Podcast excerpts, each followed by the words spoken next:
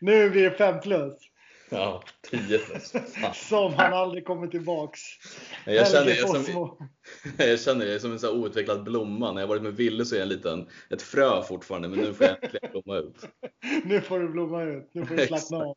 Men nu är han inte här längre, pastorn. Ja, men då, då kör vi då. Vad sa vi? 83? Avsnitt 83.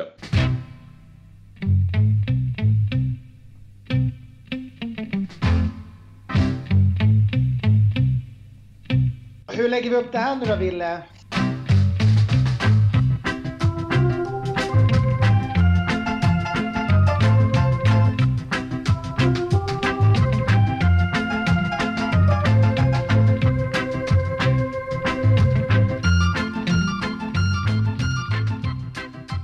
Varmt välkomna till avsnitt 83 av CSS-podden. Jag heter Mattias Byman, även kallad Hundsur och det är jag som är er programledare ikväll i Ville Sjögrens frånvaro. Med mig har jag Kevin Ståhlberg som vi snart ska fråga om hur han mår. Men först tänkte jag ta agendan lite snabbt vad vi ska gå igenom under kvällen här och det är såklart 3-0-segern mot Burnley i helgen där Frank Lampard provade ett nytt eh, eller ett nygammalt spelsystem.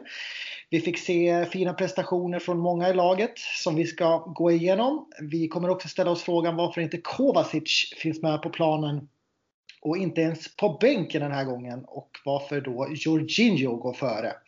Vi reder ut, eller reder ut och reder ut. Vi lyfter Mendy till skyarna och eh, frågar oss om Kepa har stått sin sista match i klubben. Vi går också igenom Thiago Silvas eh, succéstart och eh, vad som är eh, nyckeln där bak. Sen eh, går vi igenom lite silly season. Eh, Kevin Ståhlberg i vanlig ordning, Sillykungen, tar grepp om de senaste ryktena. Kommer Rice i januari eller dröjer det till sommaren? Sen avslutar vi med en genomgång av onsdagens match mot Rennes i Champions League. Vilka spelar, vilka får vila och vad ska vi se upp med? Är det supertalangen Kamavinga och finns det fler? Vi får se. Sedan tar vi era lyssnarfrågor.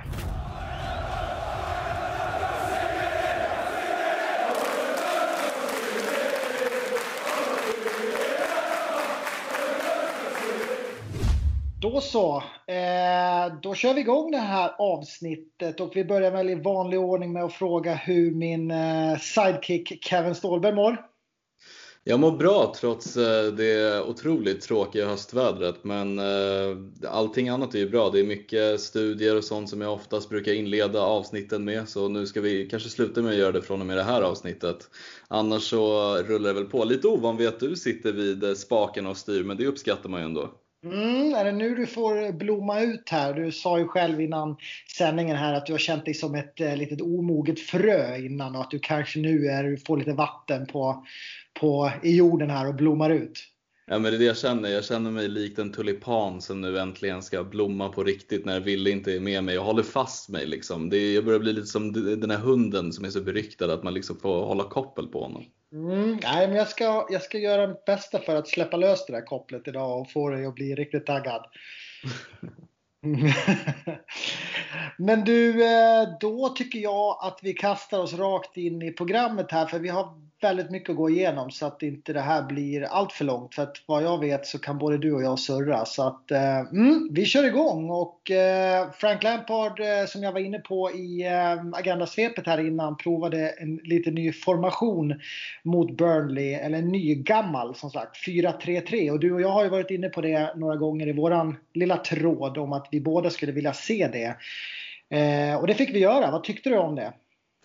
Jag var väldigt imponerad. Jag skulle säga så att alltså från start 1 till 90 så tycker jag att det är den bästa prestationen för säsongen i, i min bok i alla fall. Eh, sen är det kanske inte det bästa motståndet som, eh, som Burnley är då för att de har inte varit inne i en speciellt bra fas och har bara haft en poäng med sig in till, till matchen mot Chelsea. Men jag tycker det vi kunde se av spelet var en helt annan grej. Vi har ju alla egentligen i den här podden varit inne på vad är det egentligen Frank Lampard vill? Vad vill han spela? Vad, på vilket sätt vill han spela och hur vill han liksom använda våra spelare? Den här matchen tyckte jag man kunde se att det var ett mer possession-baserat spel där vi utnyttjade flankerna väldigt mycket och vi hade två box-to-box-spelare i Mount och Havertz som jag tyckte var otroligt bra båda två med Kanté bakom som, som vi vet är den perfekta städgumman bakom två anfallsdrivna centrala mittfältare och jag tycker att det här Ja, det, det blev bra. Det är liksom som, vi, som du sa, vi har pratat om det länge och jag tyckte att alltså, det, det här är den bästa formationen. 4-2-3 har han ju envisats med men för mig är 4-3-3 den absolut bästa när vi har våra eh, bästa spelare tillgängliga. Mm, det är många som eh, hävdar sådär i mina Twitterflöde att Havertz inte riktigt kommer till sin rätt i det här 4-3-3 utan att det är fortsatt 4-2-3-1 som eh, ska gälla om vi ska få ut Havertz fulla potential. Men jag, jag håller inte med dig. Jag tyckte att han var riktigt bra eh, flankerad av Kanté och Mount. Vad tyckte du där? Jag tycker han var jättebra också. Eh, det är klart, alltså jag tror det är så lätt att skälla på honom när han har liksom kostat upp mot en miljard och man förväntar sig att han är någon superduper poängspelare första säsongen och hans siffror ljuger inte. Han har varit otrolig i Leverkusen. Sen är det ju en helt annan liga att spela i, i Premier League än vad det är med Bundesliga och det är helt andra förutsättningar och det är ett anpassningsår för honom för den delen också. Jag tycker att han har gjort ett bra sätt utifrån vad man har haft för förväntningar på honom nu i början. Nästan till alla har ju liksom sagt att vi måste ge den här grabben ung, eller som är väldigt ung av sig, väldigt mycket tid för att kunna anpassa sig till den engelska fotbollen. Så att jag tycker han växer in, växer in i det successivt och jag menar Kai Havertz har gjort 10 matcher, 4 mål och 3 assist och det ser jättebra ut på pappret. Men det ljuger ju lite också. Jag menar, tre mål gjorde han ju mot Barnsley i kuppen och sen har han ett mål i ligan och tre assist. Och äh, man kan ju säga vad man vill om de här, det här hattricket, men det bevisar ju ändå att han har poängen i sig. Mm. Ja, men jag, tycker, jag tycker det är lite som du är inne på att eh, statistiken ljuger väl. Jag tycker inte att Havertz har varit fantastisk i sin inledning, men, men jag hade heller inte jättehöga förväntningar på honom. Eller det är klart man hade förväntningar, men Eh, han är ung, det är en ny, ny liga som du är inne på och eh, nya spelare runt omkring sig och en väldigt kort försäsong. Så att jag tror att Kai Havertz kommer växa in i det här. Jag, jag tror att det var Fredrik Pavlidis som sa innan säsongen att eh, Havertz har kostat mer än Werner men, men eh, det kommer ta längre tid för Werner att komma in i Chelsea. Eller eh, Havertz att komma in i Chelsea och Timo Werner är en mer färdig spelare. Och, och han fick ju faktiskt lite rätt där för att jag tycker att Werner känns mer självklar eh, än vad Havertz gör. Ja, alltså jag instämmer. Jag skulle säga att alla spelare vi har varit in är mer färdiga än vad Havertz är. Alltså kolla på Sears, kolla på Werner, Mendy. Alla har ju åldern inne för att vara i kanske man ska, inte kanske deras bästa period i livet, men de ska ju vara klara för Premier League och bidra med poäng första säsongen. Och Pavlidis har helt rätt i att det här krävs tålamod. Och det är väl någonting kanske fotbollsfans och Chelsea-fans överlag inte är så vana vid, att man ska ge spelare äh, vad heter det, förtroende men också tålamod. Och, Eh, jag tror också som du säger, han kommer växa in i det här. Och jag tycker ändå den här matchen han är, det som är så bra med honom, han är så fruktansvärt anpassningsbar. Han har ju inte kanske glänst när han spelar på en högerkant, men han gjorde det för laget. På innermittfältet tycker jag han faktiskt spelade väldigt bra. Alltså till skillnad från, från högerytter så tycker jag att han gör en bra match som central mittfältare. Sen så kan man ju hävda liksom att ja, men nummer 10 är hans position, men det centrala mittfältet tycker jag han passar också utmärkt på. Han har ju längden också på sin sida, så får han bygga på lite muskler på den här kroppen så är det ju ja, men väldigt bra central innermittfältare att bygga laget runt. Ja, man kan väl vara en nummer 10 fast man spelar på mittfältet i 4-3-3. Det tycker jag att det finns rum för. Om vi ser på de andra två mittfältarna som Kanté och Mount så tycker jag att de, de gör ju verkligen jobbet vid sidan om honom. Så det finns väl utrymme för honom att och flyta runt lite grann och vara kreativ. Jag tycker inte att det ska spela någon roll. Så. Nej, nej, men jag håller med. Och det, det som funkade så jäkla bra i den här matchen är just att Mount och Havertz får ju väldigt fria tyglar på mittfältet. Och man får väl se lite hur det skulle funka om Lampard vågar pröva det mot ett bättre motstånd. Just mot Burnley funkar det helt perfekt med tanke på att vi har ju Ziyech på kanten, vi har Werner på kanten och Abraham längst fram och Mount och Havertz bakom. Det blir en extremt bra offensiv med de här spelarna. Och Kanté klarar ju det här själv att liksom städa efter dem. Sen är det ju frågan om man kan bibehålla det här fina spelet mot lag som United, City, Sevilla, Liverpool om det nu skulle vara så. Det är ju lite det jag är mer nyfiken på. Mot Burnley tror jag att man kan spela de flesta formationerna och göra bra ifrån sig. Men eh, jag var, oavsett vad, jag var mäkta imponerad trots att jag ändå har ännu mer krav på det här laget. Mm. Om vi tar det lite från, från start då, eller från start i, i laget. Vad tyckte du om eh, insatsen där bak. Om vi tar eh, målvakt och eh, försvarslinje ihop då. Jag tyckte Mendy som vanligt gör en stabil prestation. Jag tycker han har varit stabil sedan han kom in i laget. Eh, jag tycker den bästa matchen han kanske gjorde för säsongen var mot United. Han stod för väldigt, väldigt bra räddningar och bra prestationer. Eh, sett efter det så gjorde han väl också en stark insats mot Sevilla. Sen har det varit ganska liksom enkla räddningar och lite plockpotatis för honom och räddningar man förväntar sig att han gör. Och det är vi inte riktigt vana vid till skillnad när vi hade, från, när vi hade Kepa där man liksom oroar sig för varje skott eller varje hörna. Så det är ju ett positivt tecken. Sen tycker jag också att den stora förklaringen till varför det går så bra just nu defensivt är i mina ögon Thiago Silva och där tycker jag man ska lyfta ännu mer för att man har rosat Mendy och det tror jag man gör väldigt lätt för att vi har haft Kepa i mål. Men jag tycker att Thiago Silva bidrar med en helt annan stabilitet. Det har gjort så att Zuma har flygit ännu mer. Och det gör ju inte liksom saken svårare för Mendy att prestera när man har den här, alltså enligt mig, bland de fortfarande världens bästa mittbackar i laget. Jag tycker snarare att det är Thiago Silva man ska lyfta än Mendy, även om jag absolut inte tycker Mendy har varit dålig. Tvärtom, jag tycker han har varit grym. Men Thiago Silva tycker jag har varit ett av de bästa nyförvärven hittills. Mm. Alltså anledningen att inte han får de här, för Kepa fick ju ändå ett par farliga lägen mot sig varje match för att vi släppte till något jäkla skitläge eller så vidare. Det gör vi ju inte riktigt numera just för att vi har lite ordning och reda där bak. Så att det är ju helt klart som du är inne på. Sen tycker jag också att jag tror också liksom att eh, hela pressspelet och hela försvarsspelet över hela banan styrs ju av Thiago Silva säkerligen. För att han är ju en ledare där bak och det brukar vara de som startar bak som styr. Så att det där kommer nog, det där kommer nog växa sig ännu mer framåt. Liksom. Och, det känns ändå, och alltså, det känns även som att eh, Eh, nu var det Aspilicueta som spelade i Champions League senast, men att Reece James också, att de på ytterbackarna också känner sig mer trygga på något sätt. Så att eh, det är väl det vi har ropat efter länge, en, en stabil ledare där bak. För att det är ju ingen av de andra fyra mittbackarna som faktiskt är någon ledare. Det ska vi väl handen på hjärtat säga.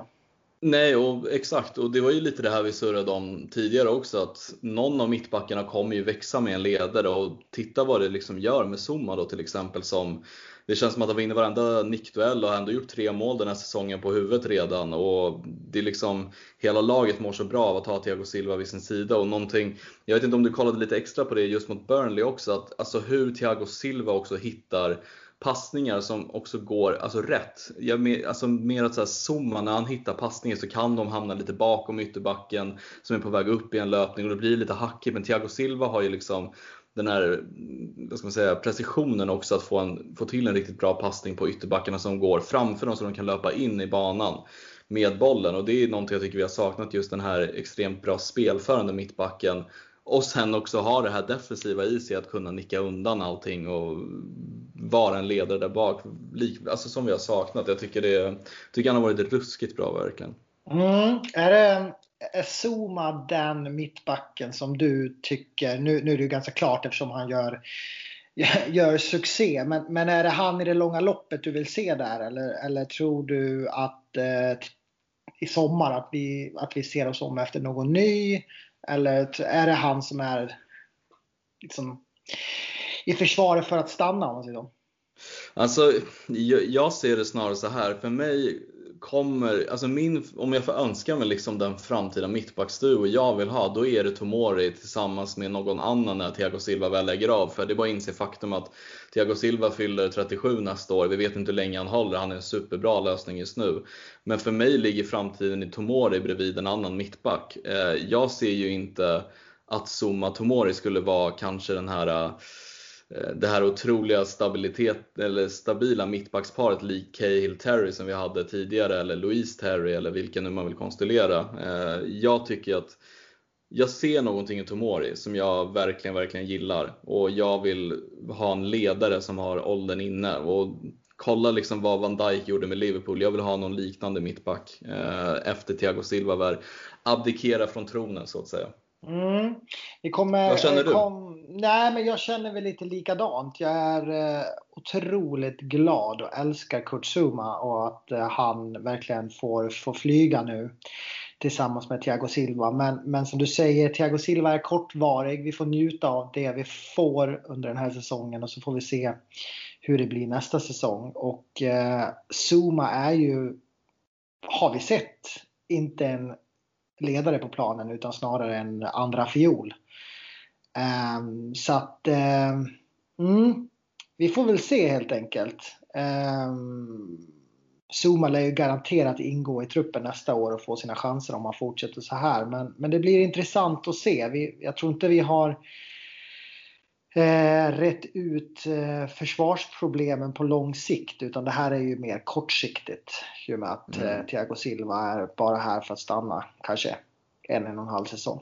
Så vi får se. Ja, Ja, nej men det, det är jag helt inne på. Sen, sen är det ju problemet, likt anfallare och mittbackar, det är svårt att hitta färdiga ledare som mittbackar, likt det är att hitta färdiga målskyttar. De kostar också väldigt mycket. Så att det gäller ju att Chelsea väl scoutar den rätta mittbacken för dem. Jag tänker, vi kommer komma in på Rice, men Rice för mig kommer inte vara en mittback i Chelsea som många har ryktat eh, att han ska vara. Jag, han kommer husera på mittfältet om det är så att han värvas. Så att det blir ett väldigt intressant pussel att se vem det är man, man eventuellt ser sig om. För jag tror ju inte att när Thiago Silva lägger av att Zuma Tomori är framtiden. Nej, det är de ju verkligen inte. Vi kommer in på, på Tomori lite senare i programmet här. Vi, vi går vidare. Vi har avverkat eh, försvarsspelet. Eh, vi släpper ytterbackarna för de tycker jag är så jäkla givna.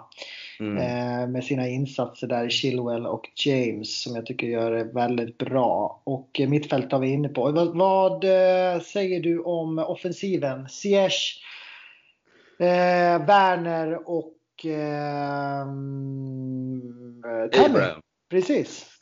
Nej men jag, alltså jag, jag sa innan säsongen att jag tycker att eh, Hakim Ziyech kommer vara årets kap. Och det står jag fast vid och det är någonting jag kommer verkligen hålla fast vid. För att sett till den summa vi varvade för en sån kvalitetsspelare, det, det är årets kap. Jag tycker han har bevisat redan mot Krasnodar sin kvalitet på bortaplan i Ryssland. Det, är, man, man själv, liksom, det blir inte ståpäls av att veta att man ska sticka halva världen över för att spela en bortamatch i kalla Ryssland. Och bara då tycker jag att han gör en väldigt bra match. Och sen komma in mot Burnley som också är känd för att vara fysiska Burnley. Att bara göra mål i sin debut tycker jag är, jag tycker det är härligt. Jag tycker Sears tillför också en helt annan dimension med sin vänsterfot och en rörlighet som vi också inte ser jätteofta på våra ytterspelare. Jag tycker att Hudson Odoi är väldigt en mot en gubbig liksom och Pulisic är väldigt rak. Men Sears alltså han rör sig väldigt fritt och jag gillar verkligen det här hos, hos yttrar som verkligen byter platser med in i mitt fält där forwards och rör sig över stora ytor. Det är det som är så jävla jobbigt att möta själv. Så att eh, Sears fantastisk. Tammy tycker jag också är en jävligt bra match. Tycker att han eh, Ja, det är, svår, alltså det är ju verkligen eh, huggsexa mellan eh, Tammy Abraham och Giroud om vem som ska spela, men alltså det börjar se bättre ut med Werner på vänsterkanten och Tammy Abraham i mitten. Det funkade i den här matchen. Så att, äh, jag tycker kudos till alla tre, men Ziyech extra för mig. Vad kände mm. du? Jag tycker också Ziyech eh, gör en väldigt fin insats och eh, jag satt och tänkte under matchen där vilken uppgradering mot förra årets William som liksom bara gick i sidled och bakåt och knappt liksom skapade poäng överhuvudtaget. Och så nu får liksom in en spelare som du säger som, som rör sig fantastiskt. Han bara flyter fram och, och faktiskt eh, spelar fram och gör mål och, och, så vidare. Så att den där foten kommer vi få se många poäng av och det ska bli jäkligt skoj. Och jag tycker det är extra kul att se också att vi faktiskt har yttermittfältare som, som du var inne lite på, som har olika färdigheter. Att, att både eh, Odoi och Pulisic och Ziyech och sen om det är någon annan då, Werner eller någon, att alla är olika. Att det inte är liksom att vi, vi kan förändra matchbilder eller starta matcher på olika sätt eh, beroende på vilken spelare som startar. Och det är en jävla styrka också så att inte man, man har två identiska spelare. Så att, eh, spännande att se. Jag tycker också Werner faktiskt var, var rätt bra i ytterpositionen i ett 4-3-3. Eh, mm.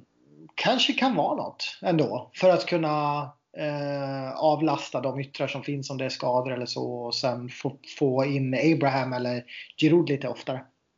Nej men jag håller med och jag tycker liksom vi har varit så jävla snabba på att avfärda Abraham när Werner värvade, så jag är fortfarande väldigt skeptisk mot Werner på vänsterkanten i, i, liksom, i, det, i det långa loppet. Men i den här matchen så funkar det bra och i vissa matcher kanske det kan funka väldigt bra också att ha in Abraham för att det är ju en helt annan spelartyp än vad, än vad Werner är och jag vet att många är tveksamma när när Werner kommer möta de här stora starka mittbackarna likt Burnley-matchen, hur han hanterar det. Men jag tror ju personligen att Werner kommer hantera det också, men i den här matchen så funkar det väldigt bra med, med Werner som vänsterkant. Det är, ju, det är ju bara lite, jag tycker att han har inte kanske det här äh, yttertänket som Pulisic har med när man ska värdera inlägg, värdera skott eller när man ska värdera löpning mot mitten eller inte. Det är ju lite det som saknas när en anfallare kliver ut på kanten.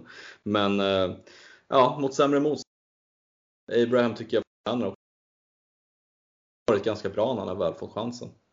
Ja, men och sen också just för att eh, om, om eh, Werner kan länka tillsammans med Abraham eller Giroud så blir ju han lite som en Även om det är ett 4-3-3 så kanske han blir som en liten second striker och kan lämna plats på sin kant för Chilwell som kan komma och slå inlägg. Och det gjorde han ju väldigt fint tycker jag. Chilwell kommer som ett ånglok varenda match liksom, nu när han har spelat. Så han har ju, mm. står ju för inlägg hela tiden. Så att man kanske inte behöver stirra sig blint heller på att Werner ska vara en, en traditionell ytter när han väl spelar där. Utan han kanske ska söka sig mer in centralt och försöka gå på eh, då om det är Abraham eller Giroud som, som kör några kombinationer där i mitten istället. Så att då får man väl ett annat typ av spel. Mm. Vi spelar ju faktiskt många gånger under, eh, det var ju mycket under Ancelotti. Då körde vi ju med till exempel Anelka eller någon sån. Vi spelade ju med två forwards. Eh, och Anelka var ju absolut ingen ytter liksom, men han funkar ju väldigt bra. Och nu tror ganska många ute som känner mig att jag har druckit alldeles för mycket när jag sitter och hyllar Anelka här. Men det har jag faktiskt inte. Jag är nykter ikväll, tro mig. Men eh, det var bara ett exempel på att en central anfallare kan ju faktiskt funka som, som en ytter också. Absolut, vi får inte heller glömma till exempel när Zlatan kom till PSG, vem det var som spelade ytter då? Det var Cavani som gjorde det i eh, nästan år, två år eller något sånt och då bidrog ändå med rätt mycket mål oavsett om det var Zlatan som tog huvudrollen. Så att det är absolut någonting som funkar och Martial, exempel i United som mm. kom som striker, har spelat ytter nästan hela sin karriär, likaså Rashford. Det finns många exempel på hur man kan skola om anfallare till yttrar som, som funkar. Sen är passar ju inte alla, men Werner är ju mångsidig och vi har ju många mångsidiga i vårt lag. Det är det jag tycker är väldigt intressant också med Havertz som kan spela lite här var. Ziyech vet vi kan spela som central mittfältare om det skulle behövas eller en eh, tia. Vi har eh, ja, men Kanté som verkar kunna behärska varenda jävla roll på planen. Mm. Det finns många liksom eh, rokader man kan göra och det är ju det jag tycker är väldigt kul för, för Lampard också. Men det sätter ju också pressen på Lampard. Det ska bli intressant att se hur det hela slutar den här säsongen med tanke på att han har så ruskigt många olika verktyg nu och många formationer att använda sig av för det här laget. För det är som du säger, det är så mångsidiga spelare. Så han kan verkligen taktiskt dirigera hur han vill spela med det här laget match efter match. Så att, eh, det, om det, säsongen var det liksom innan, om det var innan säsongen att man tyckte att det var liksom spännande att se så blir det ännu mer spännande nu. Mm, verkligen. Och eh någon som kanske inte tycker att det är jättespännande just nu det är ju eh, våran favorit eh, Mateo Kovacic som inte ens eh, fanns på bänken. där Jorginho gick före och Kovacic har ju haft en tung säsongsinledning här med ett par petningar och fanns alltså inte ens med på bänken sist. Vad är din magkänsla där? Har det hänt något eller är han ur form eller platsar han helt enkelt inte? Jag tror att det handlar om att han inte platsar just nu. Han, eh, jag tycker inte att han tog chansen borta mot Krasnodar, eh, helt ärligt. Eh, och det säger jag med kärlek för jag älskar Kovacic, men han var inte bra i den matchen. Han hade mycket felpass, orsakade frisparkar och hängde inte riktigt med. Och det kan ju bero på att han har ju spelat landslagsfotboll med Kroatien, var lite småskadad där, kom tillbaka. Så det kan vara många aspekter som vi inte heller vet om, men just mot Krasnodar tog han inte chansen. Och sen förstår egentligen inte jag vad det är som gör att eh, Jogge går före egentligen i en, i en uh, trupp. För jag tycker inte sett mig imponerat nämnvärt jättemycket av Jorginho oavsett om han missade straff eller inte. Jag väger inte in det. Jag tycker inte han har varit bra på planen. Han har tagit lätta gula kort, blivit frånsprungen många gånger mot United. Det var liksom jag satt minut fem i United-matchen och liksom bara himlade med ögonen. Bara, alltså, vad gör han liksom i en startelva fortfarande? För han, det är som Wille och jag sa tidigare avsnittet, han hänger liksom inte med i Premier Leagues toppskikt. Det är inte en spelare för toppskiktet i Premier League. utan jag tror bara konkurrenssituationen är svår, men jag förstår bara inte varför Jorginho är så jävla favoriserad och Lampard. Den köper inte jag. Nej, eh, den är väldigt märklig. Jag undrar om det liksom är att eh, Nej, jag vet. Jag ska inte försöka hitta argument för att, eh, för att de, jag tycker att Kovacic, han är ju både bra defensivt och offensivt så det finns ju inte någon anledning till liksom att ja, men vi tar Jorginho för att han är bättre defensivt om Kanté skulle bli skadad. Det är ju inget, alltså Kovacic skulle kunna axla den rollen med bravur ändå. Så att nej, det finns ju egentligen ingen an, mer anledning än att eh, Jorginho är favoriserad. Eh, och att Lampard helt enkelt tycker att han är bättre. Eh, jag hade ju eh, velat se Kovacic igen i en roll där Mason Mount spelar. Mm. Eh, I ett 4-3-3 vid sidan av Kanté. Eh, mm. Där han var många gånger under eh, Maurizio Sarri. Där tycker jag att han är jäkligt vass. Så vi får väl se om Lampard håller kvar vid 4-3-3 nu i veckan mot Rennes och om Kovacic får sin chans. Det blir intressant. Vi kommer till Rennes-matchen senare. Ska vi lämna matchen där eller har du någonting mer som du vill tillägga? Nej, jag är nöjd där. Vi rör oss vidare, Björnen. Eller hur? Känner du att du eh, har blommat eller ska vi hälla på lite mer vatten? Ja, men jag tror att jag ska vakna till lite. Då kör vi på det så syns vi snart.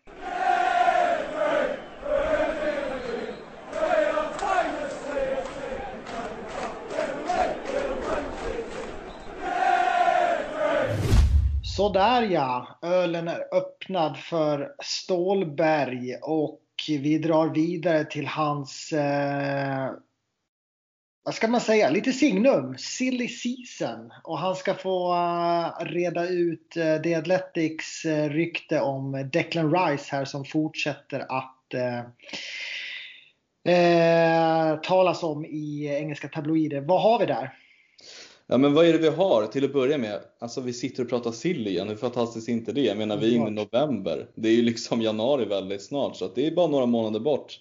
Men det vi har i alla fall, det är The Athletic som har kommit ut med uppgifter om att Chelsea kommer buda på Rice i januari. Och Alltså, det är svårt att värdera. Det är några korrar som har delat det här. Det är inte de största, men det är bland annat Simon Phillips och det är The Athletic tidningen då. Eh, det är en ganska hyfsat trovärdig källa och det är ju inte heller något överraskande att det är så heller att Chelsea kommer buda på Rice. Jag menar, anledningen till att Chelsea kommer göra det enligt tidningen är ju då att vi inte lyckades skeppa iväg två spelare från laget som inte nämns.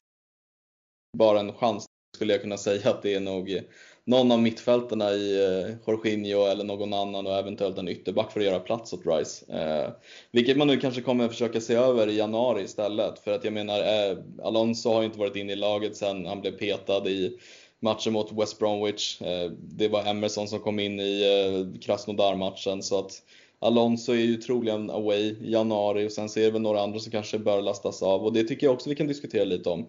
Vilka behöver rensa ut i truppen?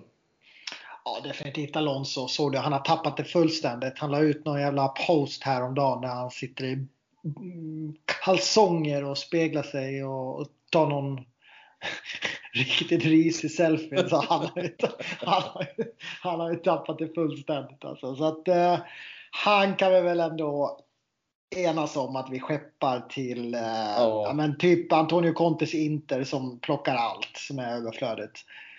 Eh, för att det är, väl ändå, det är väl ändå Alonso som ryker och inte Emerson känns det som just nu. Även om det var 50-50 innan säsongen började så känns det som att det är Alonso som, som ligger närmast nu va? Ja, nej, men så är det. Jag menar inhoppet mot Krasnodar bevisar ju också att det är Emerson som går före. Ja, precis. Och sen har vi ju då, eh, jag tror ju att vi kommer antingen sälja eller låna ut någon i backlinjen. Och lånar vi ut så är det ju Tomori som behöver sin eh, speltid. Eh, jag hade ju gärna sett om han hade fått lite mer matcher här eh, än det han faktiskt fick i starten. Fick han ju spela lite grann och gjorde det riktigt bra. Så jag hade hoppats på några fler matcher faktiskt. Men eh, det verkar ju som att senast då så att eh, Rydiger ska spela. Och där var ju vi lite oense mm. Kevin. Vi, vi hetsar ju lite på varandra här på Twitter eh, tidigare. Det gillar vi. Ja, det gillar vi.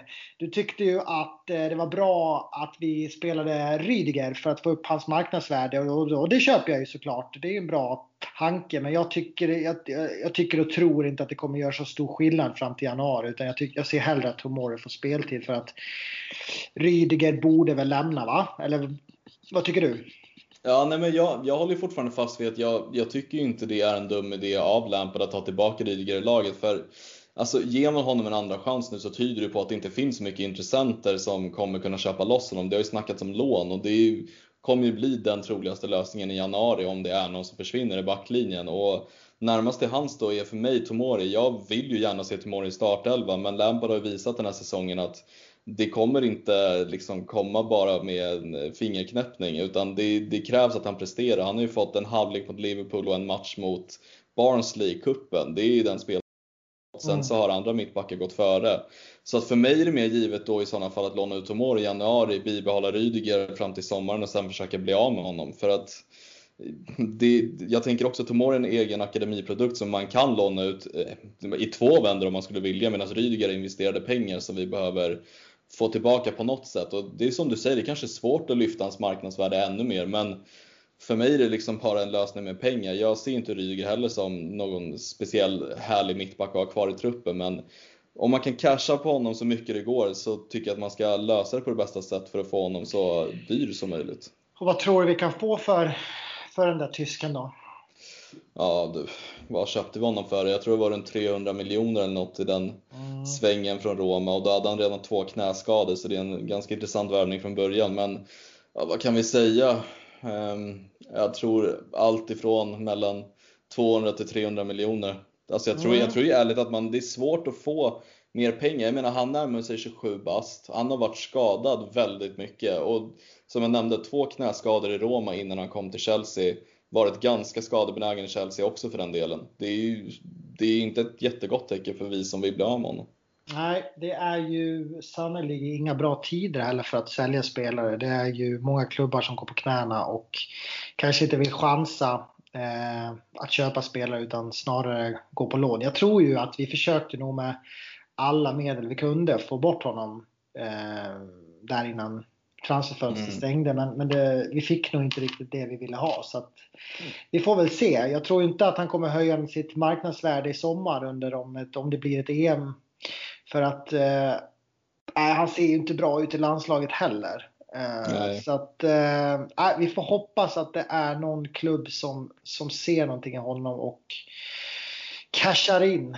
Um, vi har inte nämnt den femte mittbacken i fråga och det är ju danskjäveln Andreas Christensen som vi ja. eh, benämner honom i våran tråd. Eh, han är ju en liten vattendelare. Vi har ju några i, i CSS-poddens forum som eh, gärna höjer dansken medan eh, vi är två av dem som går lite i bräschen för att eh, såga honom. Vad, vad tror du där då? Har han någon framtid i Chelsea? Eller, eh, eller jag vet vad du kommer svara. Men om, du svar, om du svarar utifrån eh, eh, liksom lite mer objektivt.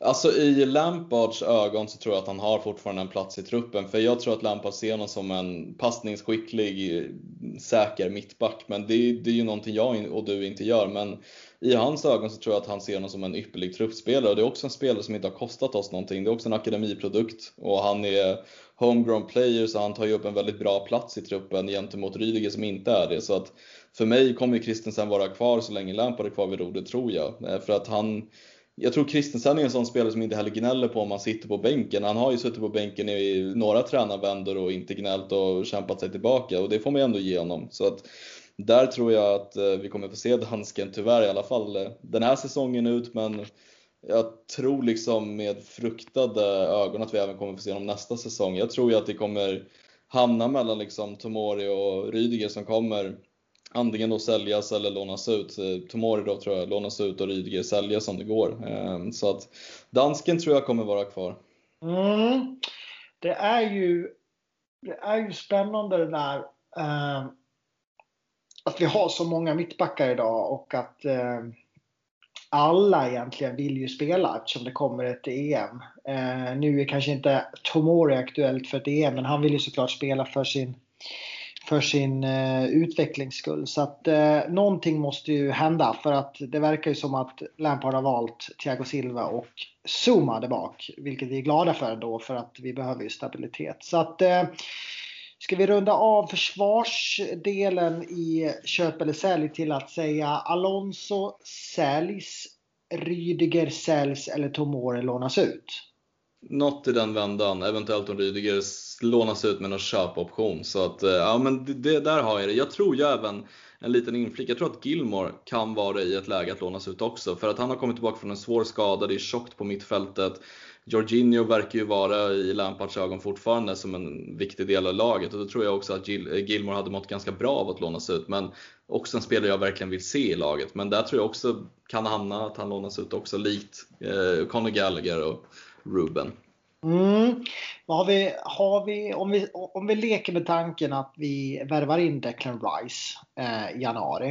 Eh, mm. Då kommer ju han spela mittfältare som du var inne på i början av avsnittet. Eh, då behöver vi väl ändå lasta antingen Jorginho eller Kovacic på försäljningståget också. För vi kan väl, inte, vi kan väl ändå inte ha så många mittfältare va? Nej, det blir svårt. Eh, alltså, även fast vi spelar många turneringar så ser det liksom hur ska man få ihop ekvationen med Kanté, Mount, Havertz, Kovacic, Jorginho, Gilmore? Det, det kommer bli lite för mycket och där, där för mig finns det ju inte liksom en sportkeps som säger att Kovacic den ska skeppas. För mig har Jorginho spelat i Chelsea nästan tre säsonger och har övertygat under Sarri en säsong. Sen har han varit ganska medelmåttig resten av liksom sin karriär i Chelsea. Han har, varit, han har liksom bidragit med ledaregenskaper och han har alltid gett allt i Chelsea, men det håller inte riktigt. Så att där ser ju tåget tillbaka till eh, italienska kusten. Till kusten? Du vill ha honom i Napoli eller? Ja, det tror jag hade inte suttit nog fel för dem. Han kan väl kanske ta en sväng till Genoa och hälsa på Zappacosta också. Ja, det var fina Zappacosta.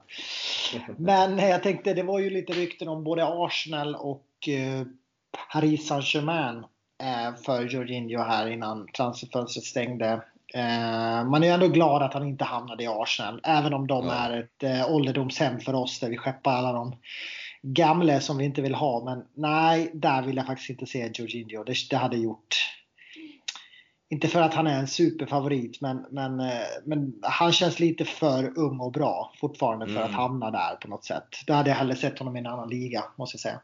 Ja, de kanske skeppar Kepa dit istället, vem vet? Det hade varit fint. Det hade varit fint.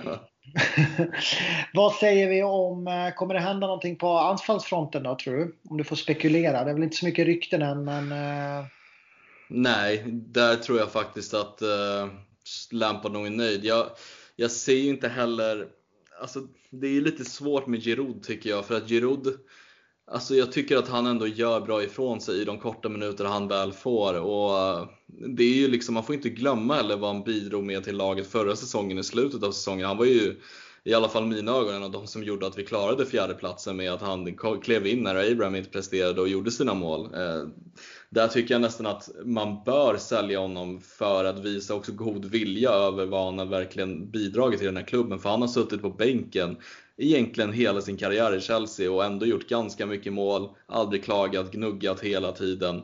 Men han kanske trivs i London, har sin familj här och sådär, jag vet inte riktigt. Men det känns liksom konstigt att han valde att bli kvar i Chelsea när man värvar Werner och Abraham ändå.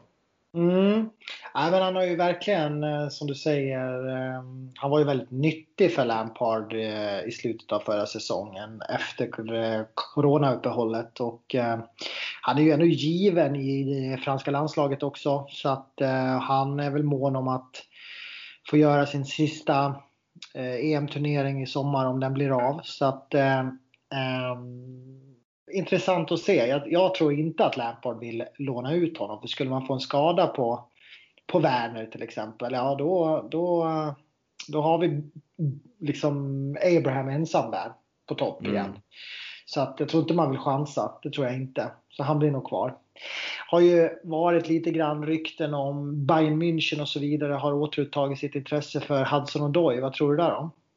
Nej, det tror jag faktiskt inte finns på kartan. Jag tror att vi, vi fans nog kanske, jag tror inte vi fattar egentligen heller hur bra relation Lampard och Hudson Odoi har tror jag. För att alltså, det har varit så mycket rykten och det har legat mycket substans i det men han har likväl varit kvar och när det väl ryktades första vändan och skrev på ett nytt kontrakt, när det var andra änden då så gick Lampard ut och dementerade att han skulle gå någonstans. Så att, eh, jag ser egentligen inte varför det skulle vara en tredje gång han går dit och nu har ju ändå Bayern München Gnabry, de har Eh, de har ju tagit, eh, vad heter han, Sané på vänsterkanten och de har ju ett färdigt lag. Jag ser inte egentligen varför Hudson skulle gå dit för att sitta på bänken för jag tror inte han petar någon av de två heller. Nej, nej precis. Nej, så det är på mittfältet och eh, i försvaret som vi kommer göra oss av med ett par spelare helt enkelt. Och förmodligen då kanske väl, välja att värva in Declan Rice, den gamla Chelsea-fostrade talangen som är bästa kompis med Mason Mount va?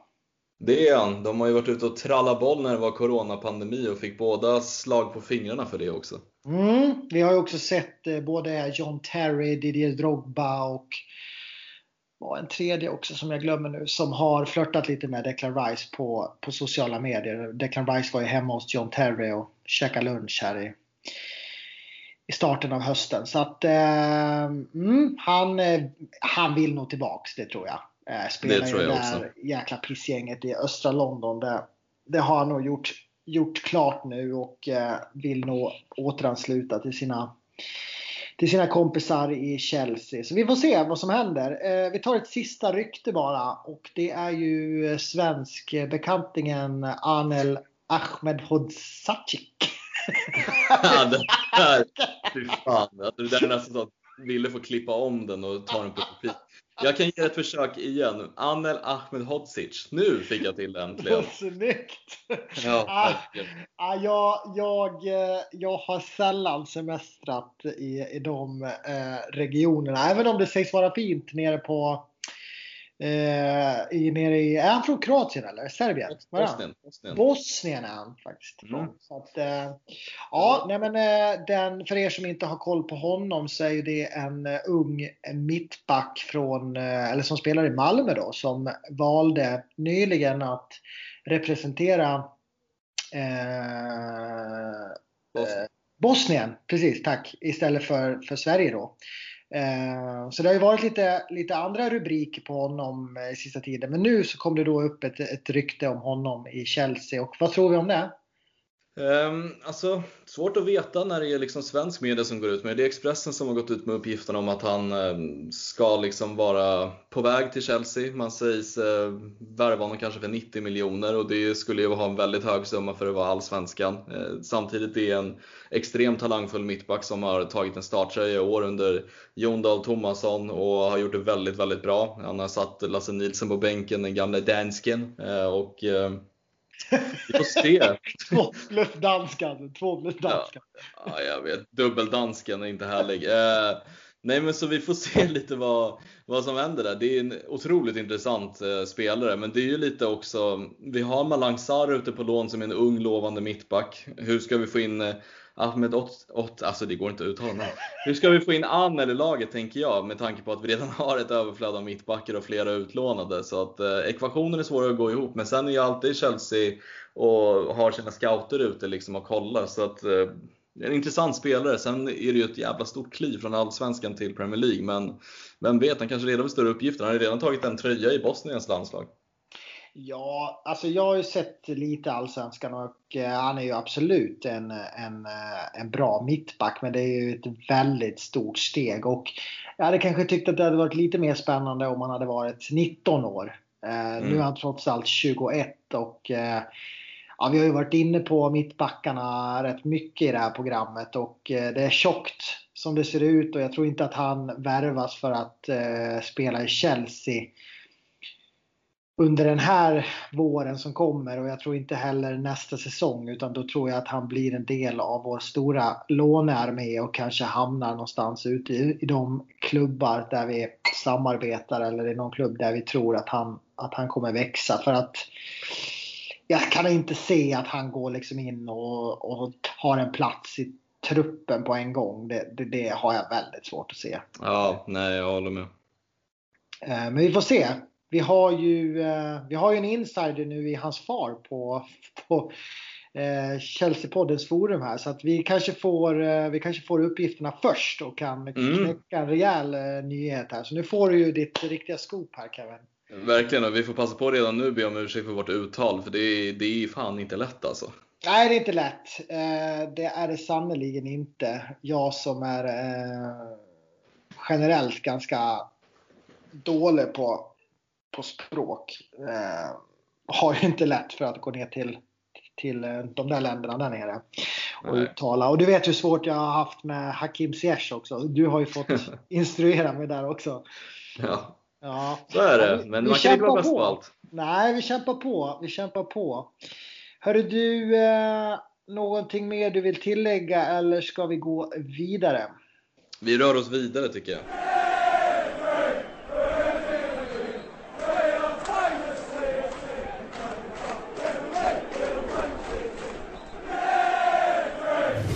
Då var vi tillbaka efter en kort paus och eh, vi tänkte avhandla lite förhandssnack och tips inför onsdagens match mot Rennes. Eh, matcherna i Champions League duggar tätt och eh, vi ställs mot en ganska ja, men lurig motståndare. Va? Ska, vi, ska vi inte säga så Kevin? Det tycker jag. Jag tycker att det är ett starkare motstånd än vad Krasnodar är egentligen. Eh, sett till poäng så har man bara fått med sig en poäng och det var ju mot eh, Krasnodar i eh, hemmamatchen där. När de spelade lika och med publik, det var väldigt fint att se. Sen har man ju stött på Sevilla också, den torskar man tyvärr med 1-0 för Rennes del då i slutminuterna. Men eh, det är ett imponerande lag. Jag menar i, i ligan där de huserar så har de fem vinster tre år gjort och en förlust i ligan och jag tror att de placerar sig på en tredje eller fjärde plats i och med det. Och de har ju ganska intressanta spelare ändå för fotbollsnördar som mig själv. Jag menar Eduardo Camavinga har man nog läst om ganska många gånger nu i media med tanke på att han är så pass ung och gjort väldigt mycket avtryck redan. Han är ju född 2022, 2022, det var ju lite sent. Han är född eh, 2002 och är 17 år gammal. Redan gjort 52 matcher för en, landslagsdebut för Frankrike, bicykleta in ett mål i debuten. Så det, är en, det är en talang utöver det vanliga. Men eh, utöver det så har man ju även en Sonsi, kanske du kommer ihåg? Från eh, Roma och Stoke bland annat. Han är utlånad från Roma just nu. Och även Rugani från Juventus som är en liten oväntad utlåning till den. Eh, så att det finns ju lite, som du säger, luriga spelare. Man vet inte riktigt vad man har dem. Rugani har man ju inte sett spela på väldigt länge i Juventus och Ensonsi var ju bra för några år sedan, men man vet inte heller riktigt status på honom. Så att, lite otippat lag skulle jag säga. De gör det bra i franska ligan. Ja, de det som jag har kunnat läsa mig till på eh, Twitter och sådär, det är ju att de har ju faktiskt ett ganska så här, eh, nytt och spännande lag. Rennes ses ju som ett av de mest spännande lagen i Frankrike nu som kommer. Och de, inte bara liksom de spelarna utan hela organisationen med sportchef och ägare och hela den grejen. Så de, de gör någonting bra där borta. Och eh, får man tro lite grann att vi har lite bra relation med dem också. Skulle vi kunna knipa Kamavinga kanske om eh, ja, men efter EM här någonting. Jag vet, vi, vi, vet ju att vi plockar ju Mendy nu på grund av att Check har ju spelat i, i Rennes innan han gick mm. till Chelsea. Och han kanske har bra ingångar där. Säg att vi, vi liksom knyter lite vänskapsband med den kanske. Ja men absolut, alltså helt ärligt så är det ju nog inte helt orelevant med tanke på att vi också har en alltså head of goalkeeping som numera huserar Chelsea som heter Lolly Sean, kommer ifrån Rennes från början. Vi har Peter Käck som kommer från Rennes och sen så är det ju då Mendy som vi har värvat från Rennes. Så att jag tror att relationen mellan klubbarna är goda. Sen vet jag fan om man kan kinga Kamavinga på det sättet. Jag tror att Rennes cashar in från den klubb som bjuder mest. Och det är ju en av de här spelarna som ryktas gå för någonstans vid miljarden med tanke på att han är, han är 18 nästa år och liksom redan spelat 50 matcher i högsta ligan i Frankrike. Det är ett ganska bra facit. Så att vi får se lite vart han hamnar. Men eh, det hade ju varit onekligen en talang att eh, sno framför de största klubbarna till Chelsea. Men eh, mm. Ja, vi får se. De är, de är luriga. Jag tror ju generellt sett att det här är en svårare match än vad det är mot Krasnodar. Sen har vi hemmaplan, så det ska ju vara Chelsea all the way in. Vi ska vinna den här matchen, men jag tror inte att det är ett lika bra, eller ska man säga ett sämre motstånd än vad Krasnodar Jag tror snarare tvärtom, att de kan nog bjuda upp på dans lite. Mm. Visst, nu, nu, nu går jag tillbaka med det här. Visst var det, visst var det rykten om att Tomori eventuellt skulle gå till Rennes? Det stämmer. I somras också. Det hade ju varit liksom ytterligare så här ett, ett eh, litet kvitto på att, att vi, vi gör affärer med dem. Mm. Nej, 100 mm. procent så är det. Så vart eh, eh, Rugani istället från Juventus som, som gick dit. Vi får se om, om vi kanske kan bjuda tillbaks nu under januari då med ja, Tomore, om Tomore vill, vill lånas ut. Det kanske hade varit ett bra Samma Rugani som vi också ryktades försöka norpa under Sarris tid. Exakt, exakt. Men eh, han har ju varit jäkligt svag eh, sen han gick till Juventus. Han var ju väldigt mm. lovande men sen föll han.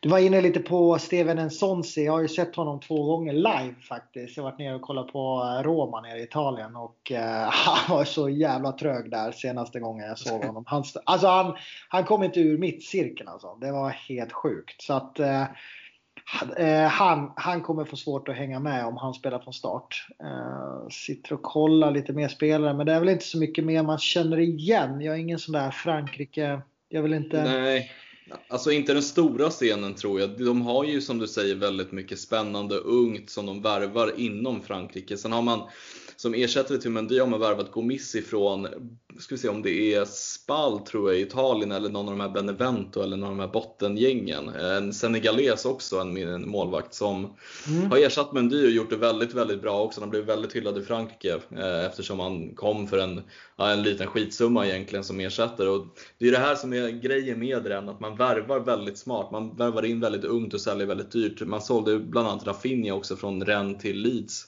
den här säsongen. Jag tror att han gick okay. uppemot 200-300 svenska miljoner kronor eller något sånt värvades in för kanske ja, men säg 90 miljoner kronor. Så att det, de gör bra affärer hela tiden. Så att det är ett sånt här lag som man kan hylla och verkligen uppskatta som har sin, liksom, man har kanske inte den största ekonomin men man gör det bra utifrån sina förutsättningar och jag gillar ju sånt. Mm, verkligen, verkligen. Ja, men en, eh en fin klubb va, helt enkelt. Som vi hoppas kunna slå tillbaks men som vi kanske kan uh, göra lite mer affärer av med framöver. Verkligen. Mm. Vad tror du om uh, laget då? Hur vill du ställa upp? Alltså, jag tror ju nu har vi spelat i princip med det starkaste laget mot Burnley, så att eh, säg att vi kanske luftar lite, men jag tror om man får haft ut en elva, jag har inte skrivit ner någon nu, men jag tror att Mendy får ju fortsatt förtroende. Jag tycker inte man ska rubba någonting där. Eh, kul också för honom att spela mot eh, sin tidigare klubb. Eh, så jag tror att Mendy tar första spaden. Jag tror att vi kommer spela med Aspilicueta den här matchen, lufta honom lite tillsammans med jag tror Thiago Silva Zuma kommer spela den här matchen. Jag tror inte Lampard vågar rotera bort mittbackarna som har varit väldigt bra tillsammans, även fast Thiago Silva uppe i åren. Sen tror jag Chilwell, eh, han skulle ju förtjäna att vila lite. Han har ju spelat i princip varenda match sen han kom tillbaka från sin skada. Men även här, jag tror att vi får se en väldigt ordinarie mittbacks, eller backlinje tillsammans med Spilicueta på kanten. Eh, jag hoppas att den håller fast för 4-3-3 för då tror jag att man vill köra med Kanté, Havertz och kanske Kovacic bredvid honom. Eh, och sen eh, tror jag att Werner spelar centralt med Ziyech på ena kanten och Mount kanske på en kant. Det, det är vad jag tror. Mm, du tror han flyttar Mason Mount ut på en ja, men jag, ja, alltså det är ju inte första gången. Jag menar Mount har ju spelat tia, vänster, höger, centralt. Han är ju en sån spelare man kan flytta runt lite och Lampard har inte varit skygg med att göra det. Så jag tror att det kan bli lite rokad. Mm. Jag hade, uh, håller med dig mycket. Jag hade gärna sett uh, Hudson Odoi från start på en uh, ytterkant. Uh, mm i och med att han gjorde mål mot eh, Krasnodar. Och, ja, man kanske inte gjorde en jättebra insats, men han gjorde trots allt mål. Eh, och det är sånt som offensiva spelare behöver och som kan man liksom använda för att få skjuts framåt. Så att jag hade gärna sett att han fick lite mer speltid eh, i helgen här också. Jag tycker han fick lite för få minuter. Mm. Eh, men eh, nu är det väl läge att få spela från start mot Rennes. Eh, så jag hade gärna velat sett Odoi, Werner och Ziyech framåt. Och sen hade jag velat Ja, vi kan vila, vila Mount eh, och spela Kovacic med Kanté och eh, Havertz. Och sen eh, tror jag vi ser samma försvarslinje förutom då att jag tror att Aspelqueta går in och spelar Champions League istället för Reece James. Men mm, annars så är ganska... Jag tror, att vi, jag tror att det är en lösning som vi kommer få se mer av eh, under året. Att Aspilicueta tar Europa och James tar Premier League. Ja, inte helt eh, alls främmande vid den tanken heller. Jag tänker också på Aspilicuetas rutin behövs också de här Europamästerskapen. Sen ska vi också tillägga att Pulisic är ju skadad inför den här matchen. Likaså mm. Kepa är ett frågetecken, har ju fortfarande sin axelskada. Inte för att någon bryr sig så jäkla mycket om att Kepa inte sitter på bänken just nu, men Pulisic i alla fall eh, sägs ju ha sträckt sig på uppvärmningen och vi snackar veckor tyvärr, vad det verkar som. Eh, men man är inte helt säker heller, det kan spekuleras upp emot en månad. Eh, så det är ju jävligt synd. Det känns som man börjar äntligen komma igång och så kommer en till skada. Man är lite, det är lite oroväckande när det kommer skador på explosiva yttrar liksom med, med sträckningar och lårproblem och sånt. Det är alltid farligt. Det är mycket skador på Christian Pulisic också. Det är också mm. lite oroväckande måste jag säga. Eh, han får inte bli en sån här ja, men som Arjen Robben blev. Ja, eller Gareth Bale. Men jag tänker på, på om man ser till Chelsea så, så var ju Arjen Robben en, en fantastisk spelare eh, när han var som bäst. Men han var ju sjukt mycket skadad och eh, det var därför vi släppte honom sen till Real Madrid. Eh, mm. Så att, nu, tror jag, nu tror jag inte att vi kommer släppa Christian Pulisic men, men det är farligt med unga spelare som hela tiden får sträckningar och bristningar. Det, mm. det är ju någonting som är fel. Så är det. Det är, mm. det är, det är inte ett positivt tecken. Nej, det är det sannerligen inte. Ja, men då är vi hyfsat överens om elvan. Vad eh, tror du på för resultat då? Om du som är så fruktansvärt usel på att tippa, får tippa. Ska vi köra en 2-0 till Chelsea? Vi håller nollan på hemmaplan, Mendy, Thiago Silva, Zuma håller rent. 2-0. Jag säger att, ja oh, gud, vilka fan är målskyttar? Vi sätter vi sätter Ziyech och vi sätter Abraham tror jag smäller in en boll. Mm, kul! Jag tror faktiskt på, ja, men jag tror på, jag tror på lite islossningen. Jag tror på 3-0 och så tror jag på Werner 2 och eh, Hudson Odoi 1. Ja, fina Hudson Odoi. Han skulle behöva det. Mm, verkligen. Eh, hoppet är det sista som överger en.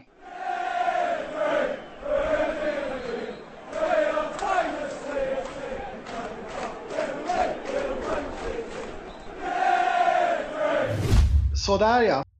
Trycket eh, på det här avsnittet och det brukar betyda lyssnarfrågor och eh, det är en hel del som har kommit in.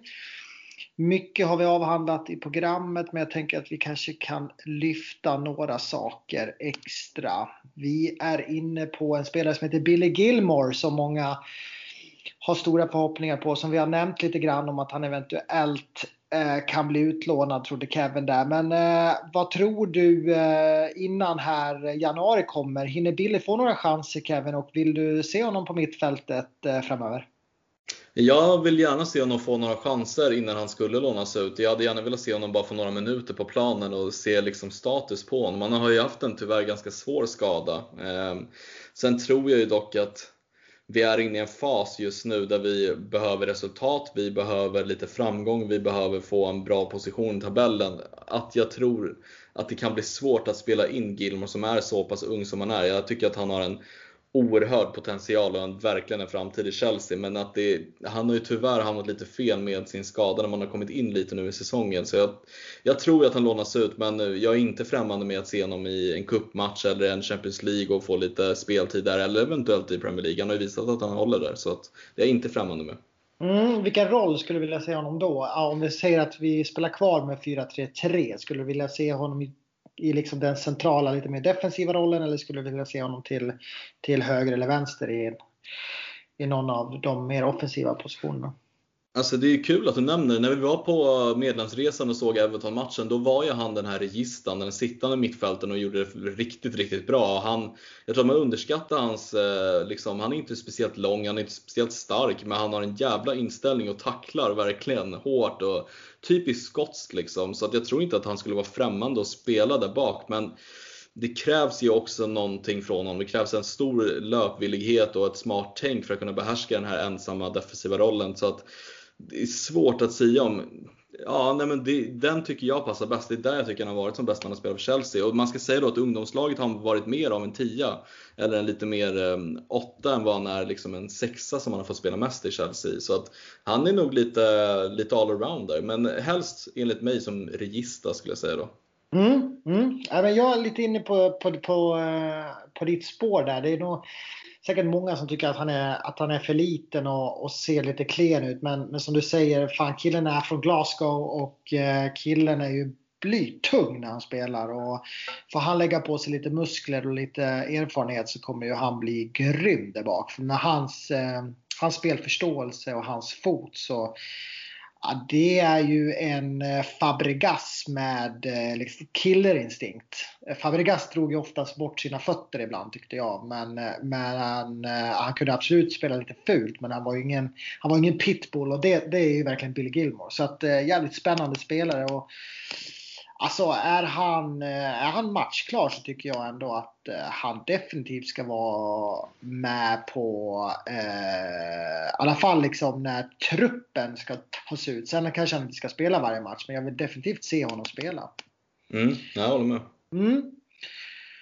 Eh, det är många som är inne på, på eh, spelsystem. Eh, med det nya spelsystemet 4-3-3 känns det som att både Kovacic och Jorginho blir överflödiga, tycker Kim Niskanen. Vad, vad, vad tror du om det, Kevin? Tycker du de... nej, men, ja, nej, men jag tycker om man ska spela med box-till-box-spelare så är Kovacic tycker jag absolut kan nog hantera det. Problemet är att han har riktigt aldrig genom sin karriär bidragit med så mycket poäng och det ställs ju lite mer krav på honom om man ska vara lite mer box till box. Sen vet vi om hans kapacitet, att han är en fruktansvärt bra defensiv spelare men även väldigt bra på att gå framåt likt den där serbiska juggetanken han kan vara. Liksom. Eh, men Jorginho ser jag liksom inte i en roll längre riktigt i Chelsea för att med han som liksom en defensiv sittande mittfältare bakom två centrala Nej, det, det vill inte jag för fem öre. Men Kovacic kan jag absolut se passa in i den formationen. Men Jorginho, jag tycker det tåget har gått. Mm. Det har det sannoliken. Jag instämmer. Eh, sista punkten här som jag tänkte att vi skulle diskutera som vi inte har tagit upp i programmet och det är ju lite vad Afif Khan är inne på. Diskutera gärna hur det går för våra utlånade spelare, till exempel Barkley, Ampadu, Loftus-Cheek och Sarr. Ska vi ta de fyra kanske?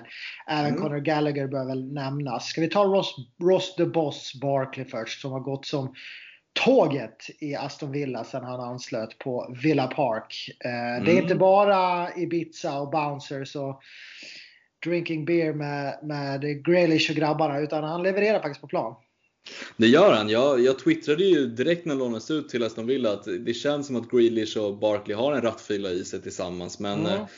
den har inte riktigt kommit utan han presterar på planen istället. Vi såg hans fantastiska match mot Liverpool. Eh, han avgjorde ju även sent emot, eh, det var emot Leicester va?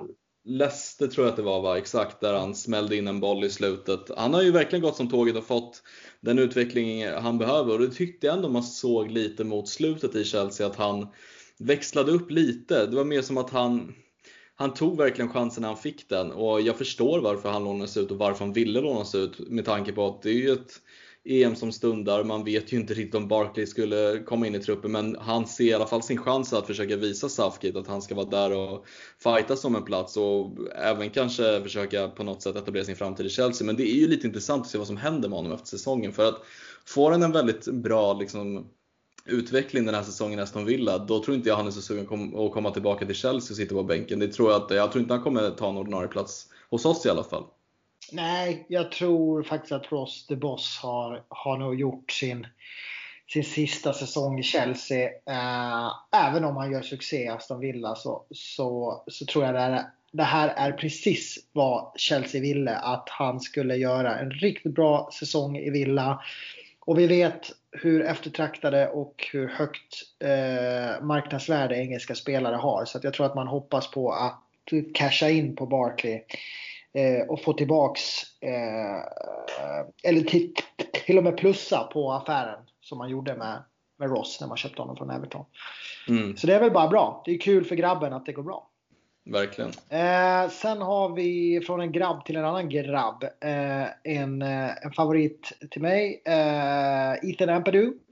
Som eh, startade säsongen lite, eller vi ska inte säga att han startade knackigt för det vet vi inte hur, hur han har skött sig på träningarna. Men han fick eh, hur som helst inte spela.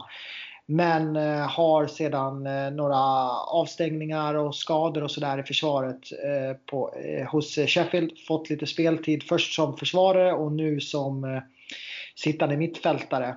Eh, vad säger du om eh, insatser? Har du sett någonting?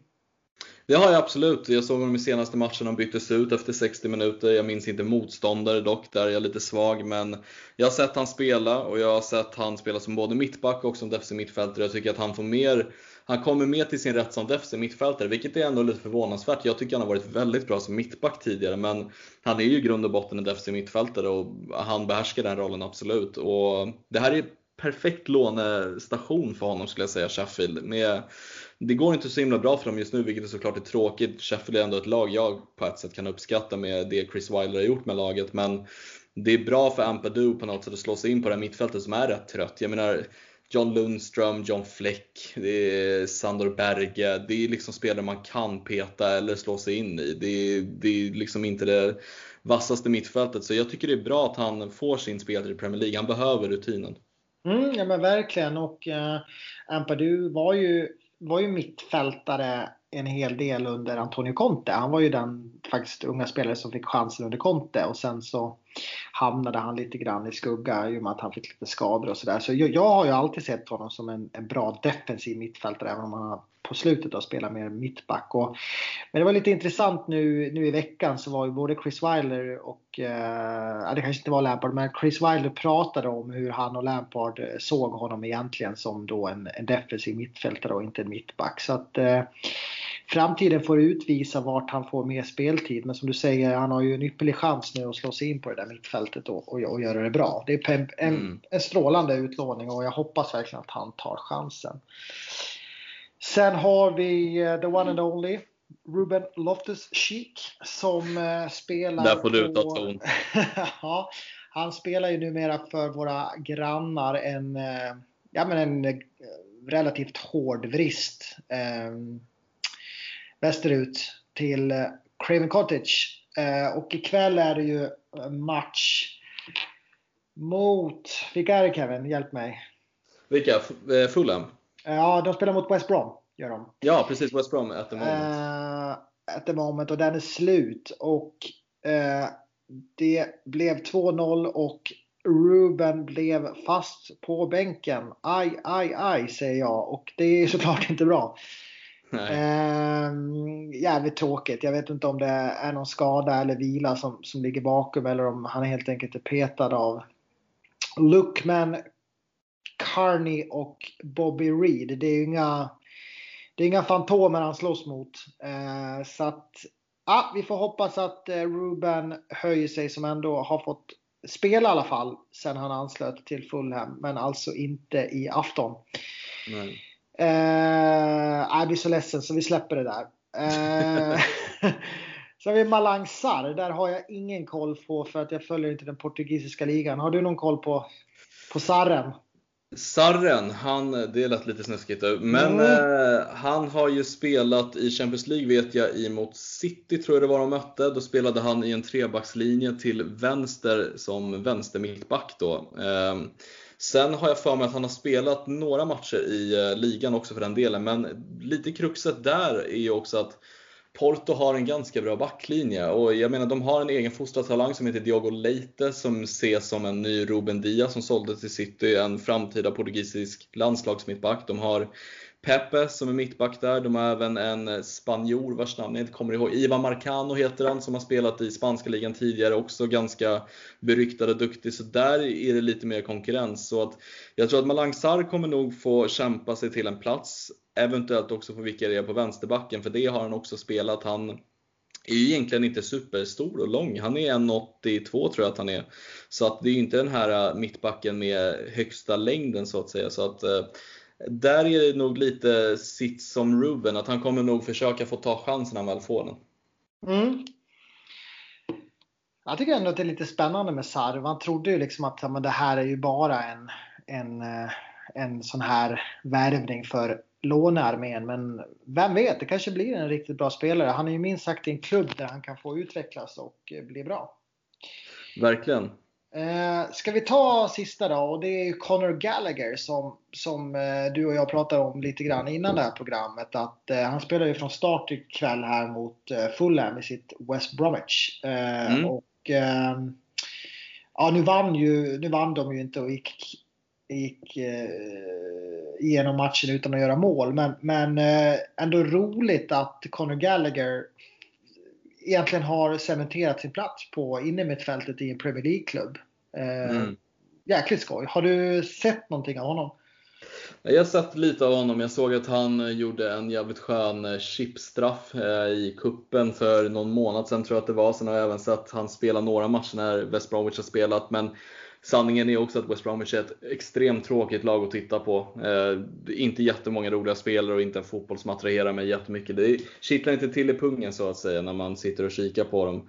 Eh, sen är det också som i fallet Ampadu en väldigt bra destination att lånas ut till. Eh, han får ju spela in i mittfältet där han vill spela och när man liksom tänker efter, det är en sån jäkla raketfart på hans karriär egentligen. Han var Tokhyllade akademin och drog på sig akademins bästa spelare, lånades ut till Charlton, var för bra för Charlton så Chelsea avbröt lånet, lånade ut honom till Swansea, eh, gjorde succé där och sen så blev han utlånad till West Bromwich i högsta ligan. Så att det går ju snabbt och det är alltid ett gott tecken eh, när man eh, liksom gör så bra ifrån sig.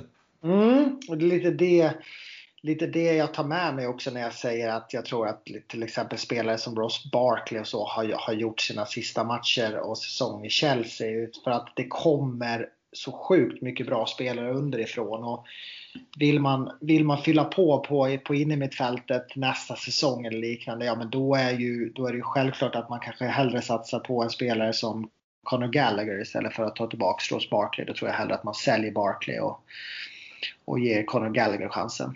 Mm. Någon eh, spelare jag också vill bara nämna kort innan vi egentligen avslutar avsnittet som vi inte har talat så mycket om. Armando Brocha i Vitesse. Han har faktiskt mm. gjort fyra mål på sju matcher. Han är ju... Han är, jag har sett eh, de här klippen som de har lagt ut på eh, Twitter bland annat när han har gjort mål. Han är ju, han är ju riktigt vass. Alltså, han är ju stor, lång, eh, han har bra teknik. Han är liksom ja, det där kan vi ha. Han känns lite som en som en, eh, som en ny Loftus-Cheek. Har han inte lite Loftus-Cheek-kropp? Jag skulle säga att den som är mest Loftus-Cheek är nog Tino, Anri, Tino Anjorin skulle jag nog säga. För de tycker jag är ganska identiska när de spelar fotboll. Men jag håller med om beskrivningen om att han är, han har behärskar eh, snabbheten, han är lång, han är ganska stark för sin ålder. Han är ju bara 19 bast. Eh, också intressant bakgrund med tanke på att han han är född i Storbritannien men representerar Albaniens landslag och han har ju spelat tre landslagsmatcher för Albanien redan. Och säga vad man vill om Albaniens landslag, kanske inte det som flyger högst, men spela landslagsfotboll när man är 19 bast och gör det bra i Vitesse som sagt. Fyra mål på sju matcher. Då har han hoppat in några matcher också, så han har inte haft så mycket speltid på sig och det är någonting som imponerar mina ögon i alla fall. Mm, verkligen, verkligen. Vet du vad det bästa är? Vet du vart han kommer ifrån? Tottenham Hotspurs akademi. Är det sant? Det är sant. 2009 så gick han till Chelsea. Fan vad fint ändå. Ja. Knappar de det Spursarna på näsan lite. De har haft sån jävla hybris här på slutet. Eh, tyvärr fick de ju med sig en trea igår men, men eh, vi låter dem flyga lite till sen skjuter vi ner dem. Som vanligt. Som vanligt, ja precis.